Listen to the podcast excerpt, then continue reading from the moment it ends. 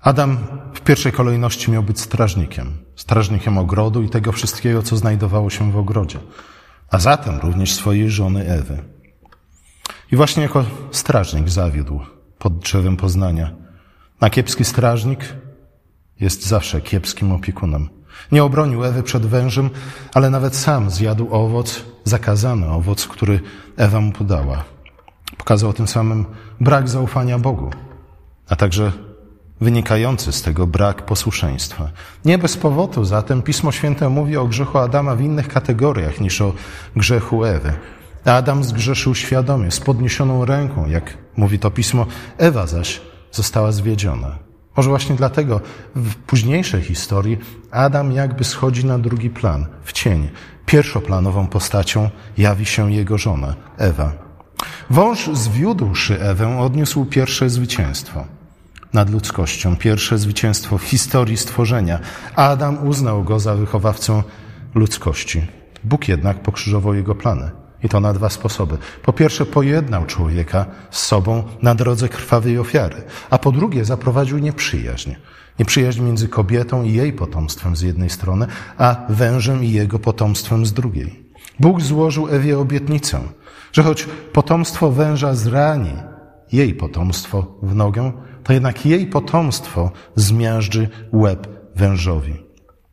Od tej pory wąż ma dwóch wrogów. Po pierwsze kobieta, a po drugie jej dziecko. Jak widzimy na przykładzie choćby Sarę. Kiedy po tym, jak Bóg złożył obietnicę, potomkę, szatan natychmiast atakuje i to przede wszystkim Sarę. Kiedy, Adam, y, kiedy Abraham i Sara udali się do Egiptu, faraon zabrał Sarę do swojego haremu.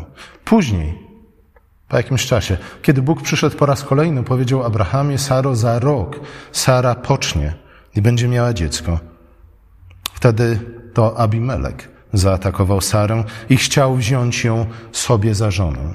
Oczywiście za poczynaniami zarówno Faraona, jak i, jak i Abimeleka stał wąż. Wąż nie chce, aby kobieta wydała na świat potomstwo.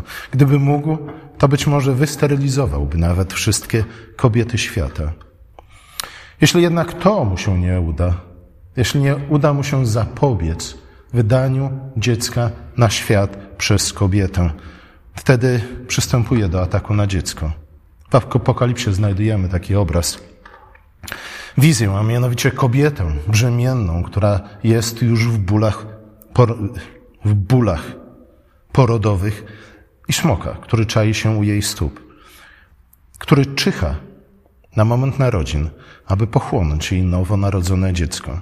Przy czym to pochłonięcie nie musi oznaczać i zazwyczaj nie oznacza uśmiercenia fizycznego, ale przede wszystkim uśmiercenie duchowe. Jeśli zaszczepi w dziecku odpowiednie pragnienia, myśli, wartości, postawy, to zyska tym samym własne potomstwo, którego z natury mieć nie może. W znacznej mierze to mu się udaje. Jak czytamy w liście do Efezjan, i wy byliście, pisze apostoł, martwi z powodu występków i grzechów waszych. Właśnie dlatego, że staliśmy się potomstwem węża. Smok chce pochłonąć dziecko, przede wszystkim w tym sensie, że chce się stać jego wychowawcą, jego mistrzem, jego guru. Chce zdeterminować sposób myślenia, dziecka. Chce zdeterminować jego emocjonalne reakcje, jego instynkty, jego postawę. Chce przede wszystkim, aby dziecko nie ufało nigdy Bogu.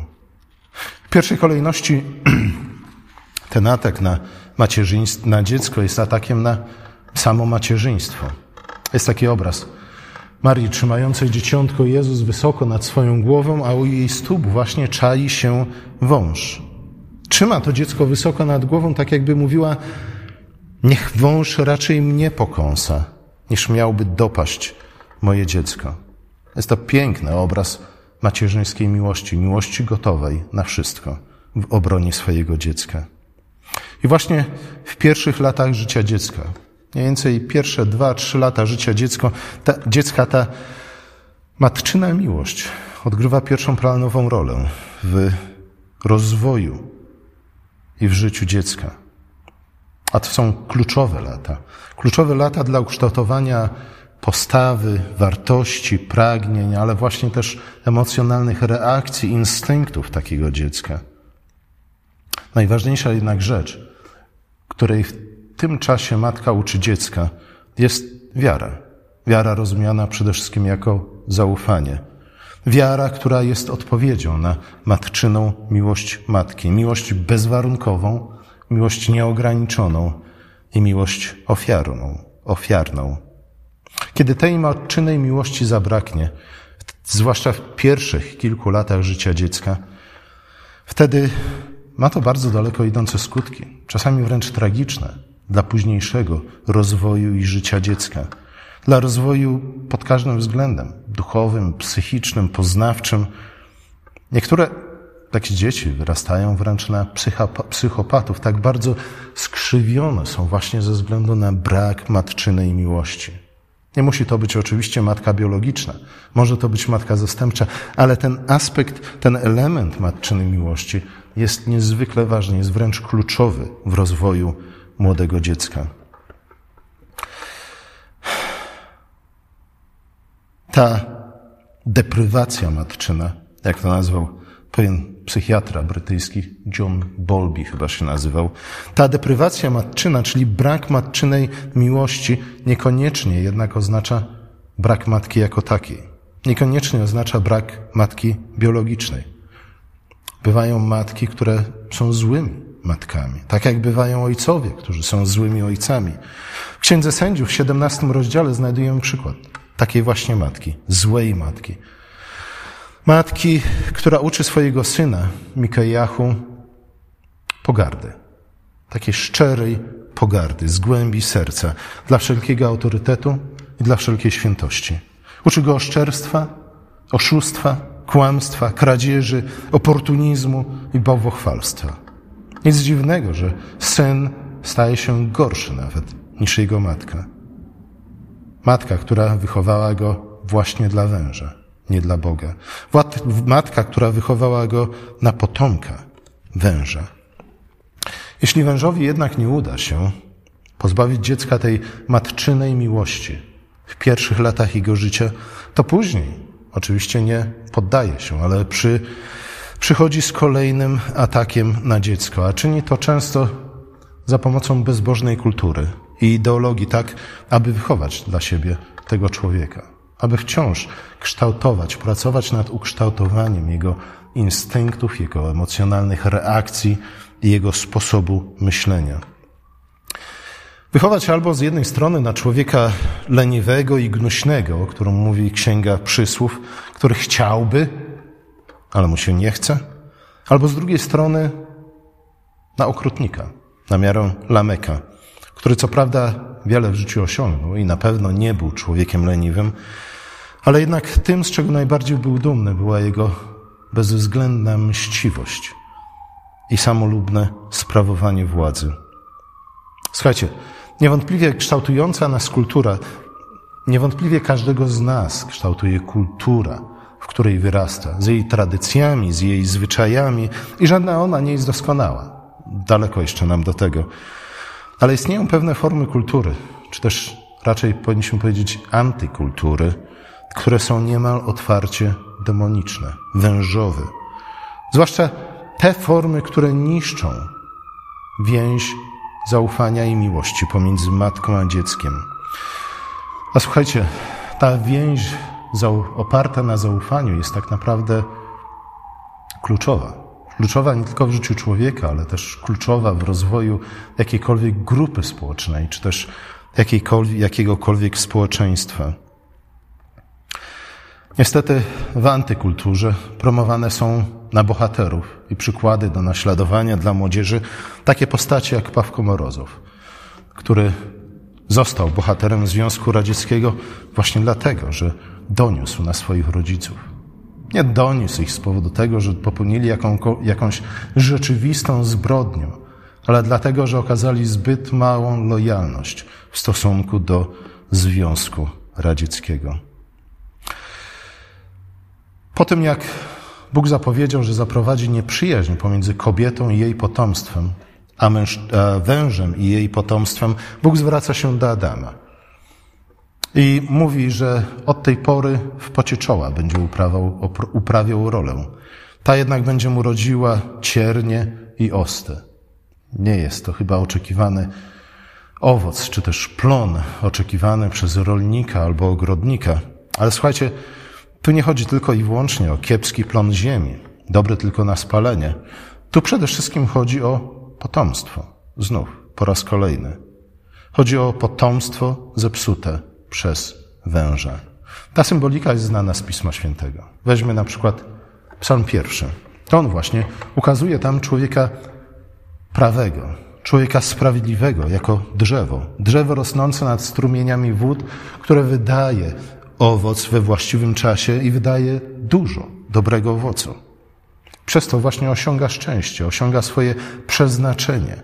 Z drugiej strony mamy przykłady krzewów ciernistych, które symbolizują ludzi złych, zdeprawowanych przez węża. Jednego z nich znajdujemy również w Księdze Sędziów w bajce Jotama. Bajce, w której zły król, a raczej pretendent do tronu, ukazany jest właśnie jako krzew cierniowy. On to w czasie swojej kampanii wyborczej nawołuje inne drzewa, pozostałe drzewa, o wiele większe, cudowniejsze, potężniejsze, przydatne i pożyteczne, aby przyszły do Niego i schroniły się w cieniu Jego gałęzi. A jednocześnie grozi im, że jeśli tego nie uczynią, wtedy zniszczy je ogniem. Słuchajcie, ten król, niedoszły król drzew z bajki Jotama jest trochę właśnie jakby amalgamatem, zmieszaniem. Z jednej strony okrutnika, z drugiej strony człowieka leniwego, który sam z siebie nigdy zbyt wiele dobrego nie uczyni. Ale z drugiej strony ma wielkie ambicje. Ma potężne, przepotężne ambicje. Z jednej strony są więc marzenia, ale z drugiej strony są wszelkiego rodzaju przeciwieństwa stojące na realizacji tych marzeń. Pierwszym w kolejności jest oczywiście jego lenistwo. Ale kiedy taki człowiek żyje, żyje, żyje, marzy, marzy, marzy i nic z tych marzeń nie wychodzi, wręcz przeciwnie, wtedy w jego sercu rodzi się złość, gniew, zgorzknienie i frustracja, które z kolei prowadzą do resentymentu i prowadzą do rewolucji. W tym momencie taki człowiek mówi: Nie, spalę wszystko. Świat, w którym żyję, nie jest wart tego, aby w nim żyć. Nie jest wart tego, aby przetrwał. Jeśli go zniszczą, to być może na jego popiołach powstanie coś lepszego. Ba, na pewno powstanie coś lepszego. Słuchajcie, taki człowiek nie dość, że nigdy nie powinien sprawować żadnej władzy, ale jest to również człowiek kompletnie niegotowy do żadnego poświęcenia, do żadnej ofiary dla swojego bliźniego, a zatem do żadnej formy miłości, w tym również do własnej matki. Jeśli troszczy się o własną matkę, to tylko i wyłącznie dlatego, że ona w jakiś sposób pomaga mu spełnić jego marzenia. Czy to utrzymując go, karmiąc go, piorąc mu, robiąc wszystko, na co ma ochotę, czy też z drugiej strony razem z nim konspirując. O to między innymi chodzi, aby dziecko wyrosło na dojrzałego człowieka. Moglibyśmy nawet powiedzieć, że o to przede wszystkim chodzi, aby dziecko wyrosło na dojrzałego człowieka. Jeśli, jeśli jest to dziewczynka, to aby wyrosła na kobietą otwartą na macierzyństwo, a jeśli tak Bóg da, to na kochającą matkę. Jeśli jest to chłopiec, żeby wyrósł na strażnika pierwszej kolejności swojej matki, potem swojej żony, następnie córki i być może wnuczki. I słuchajcie, tego chyba najbardziej obawia się wąż, a mianowicie kobiet akceptujących macierzyństwo z ofiarną miłością, jak, jak Maria trzymająca dziecko nad głową z dala od pełzającego jej stóp węża. A z drugiej strony boi się mężczyzn, mężczyzn gotowych do obrony, nawet za cenę własnego życia, swojej matki, swojej żony, swojej córki. Ta szczególna rola matki podkreślona jest w Biblii na dwa sposoby. Po pierwsze, przez to, że to matki nadają dzieciom imiona. Nie ojcowie, ale matki. Z drugiej strony, bardzo wiele matek, tych szczególnych matek, o których wspomina Pismo Święte, wydających na świat szczególne dzieci, które odgrywają później szczególną rolę w historii ludu Bożego i w historii zbawienia, było matkami bezpłodnymi, które według natury nie mogły mieć dzieci. I oczywiście za każdym razem, kiedy wąż to widział, wtedy zacierał ręce i cieszył się jednego mniej, a może więcej niż jednego mniej. A jednak to Bóg otwiera tym matkom łono. To Bóg staje się w jakimś sensie, czy też pełni w jakimś sensie rolę Ojca. Ojcowie, począwszy od Adama, gdzieś tam, przynajmniej na tym pierwszym etapie rozwoju i życia dziecka stoją w cieniu, na drugim planie. Przynajmniej po to, aby przypomnieć nam o grzechu Adama, o jego roli w upadku ludzkości. Bóg przejmuje w jakimś stopniu rolę ojca dla tych wszystkich dzieci i pozwala dlatego matkom nadawać dzieciom imiona, a z drugiej strony otwiera martwe łona po to, aby przyszły na świat szczególne dzieci. Słuchajcie,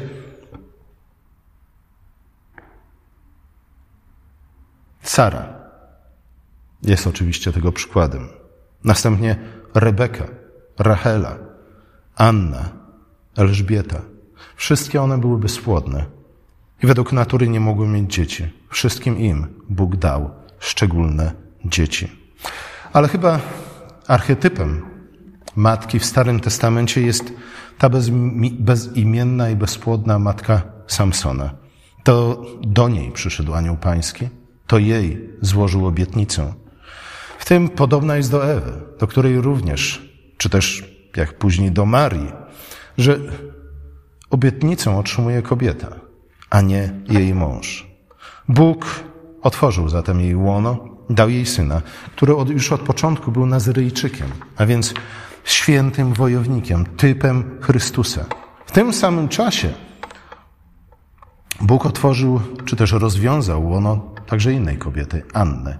I ona wydała na świat Samuela. On również był Nazyryjczykiem, świętym wojownikiem Bożym. Obaj Samuel i Samson zmiażdżyli łeb bestii, przynieśli ludowi Bożemu wolność i pokój, otworzyli im drogę do królestwa. Słuchajcie, Oczywiście te wszystkie cudowne narodziny, te wszystkie niezwykłe matki, o których czytamy w Starym Testamencie, prowadzą nas do tych najbardziej niezwykłych narodzin na przyjście syna, tej szczególnej kobiety, błogosławionej między niewiastami, gdzie Bóg występuje już w roli nie tylko duchowego ojca, jako patrona, czy też ojca chrzestnego, ale wręcz moglibyśmy powiedzieć jako ojciec fizyczny. Chrystus począł się bez udziału mężczyzny, z Ducha Świętego. Tym bardziej, kiedy wąż to zobaczył, nie chciał ustąpić. I oczywiście najpierw zaatakował Ewę. Najpierw zaatakował Marię, tę nową Ewę. W jaki sposób ją zaatakował? Powiedział: Słuchajcie, oto młoda dziewczyna, która jest zaledwie zaręczona, a jest już brzemienna. Co Mojżesz nakazuje uczynić w takim przypadku? Na szczęście, dzięki Bogu, Józef okazał się być trochę lepszym człowiekiem i lepszym strażnikiem swojej żony niż Adam. A zatem ta część planu węża się nie powiodła. Ale później, natychmiast po narodzinach, wąż chce pochłonąć dziecko. Poburza, podburza Heroda do urządzenia rzezi niewiniątek w Betlejem. Kiedy to się nie udało, wtedy udaje się za samym Chrystusem i próbuje go zdeprawować na drodze kuszenia. Mówi, słuchaj, nie musisz, nie trzeba. Wystarczy, że powiesz słowo. Wystarczy, że Oddasz mi jeden pokłon i to wszystko będzie Twoje. Nie będzie trzeba też tego wszystkiego. Po co mamy z sobą walczyć, skoro możemy się dogadać?